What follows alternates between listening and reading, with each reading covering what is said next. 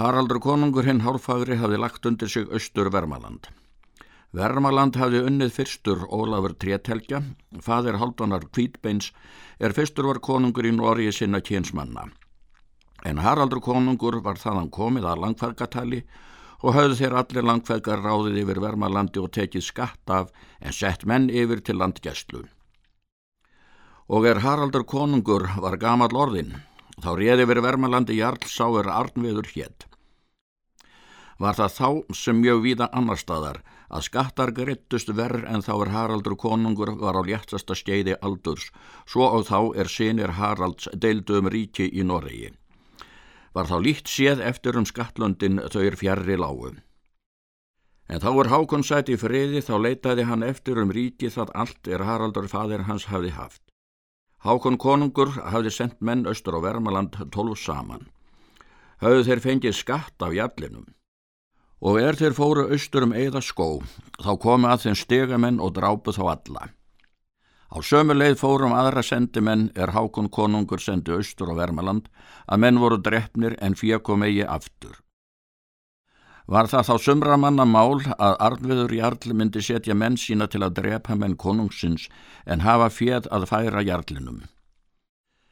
Þá sendir Hákon konungur hinn að þriðju menn, var hann þá í þrámteimi og stildu þeir fara í víku austur til fundar við Þorstein Þórusson með þeim orðum að hann stildi fara austur á Vermaland að heimta skatta konungi til handa en að öðrum kosti skildi Þorstein fara úr landi því að konungur hefði þá spurt að Arnbjörn nódurbróðir hans var komin söður til Danmerkur og var með Eiríks sonum. Það og með að þeir höfðu þar miklar sveitir og voru í hernæði um sumrum.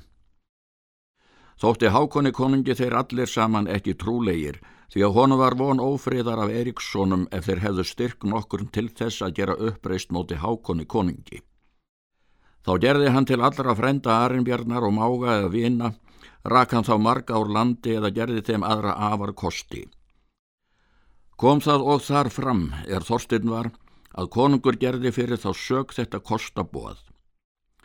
Maður sá, er erindi þetta bar, hann var allra landa maður og hefði verið í lungum í Danmörku og Svíja veldi.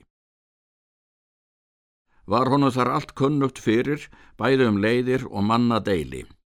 Hann hafði á víðanfærð um Noreg og er hann bar þetta mál Þorsteinni Þóru sinni þá segir Þorstein Agli með hverjum erendum þessir menn fóru og spurði hversu svara skildi.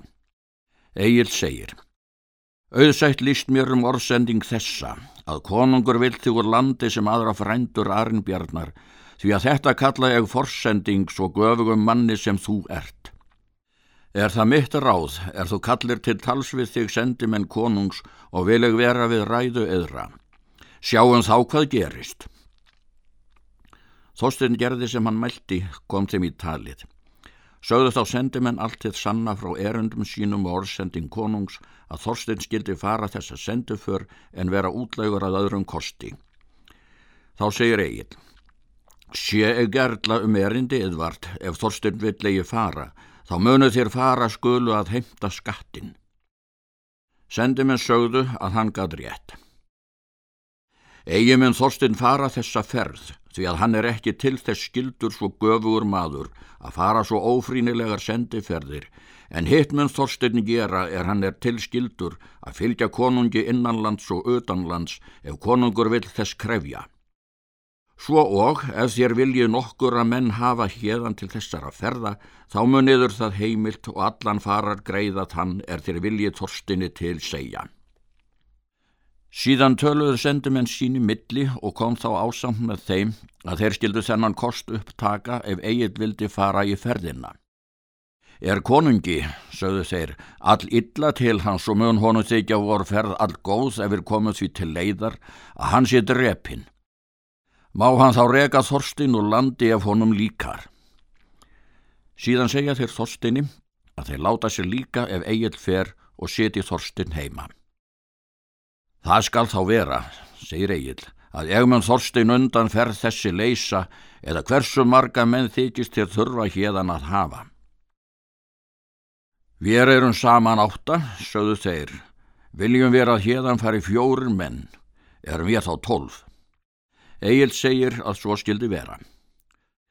Önundur sjóni og þeir nokkur er sveitungar eigils höfðu færð út til sjóvar að sjá um skip þeirra og annan varnað er þeir hafðu sett til varðveislu um haustið og komið þeir eigi heim.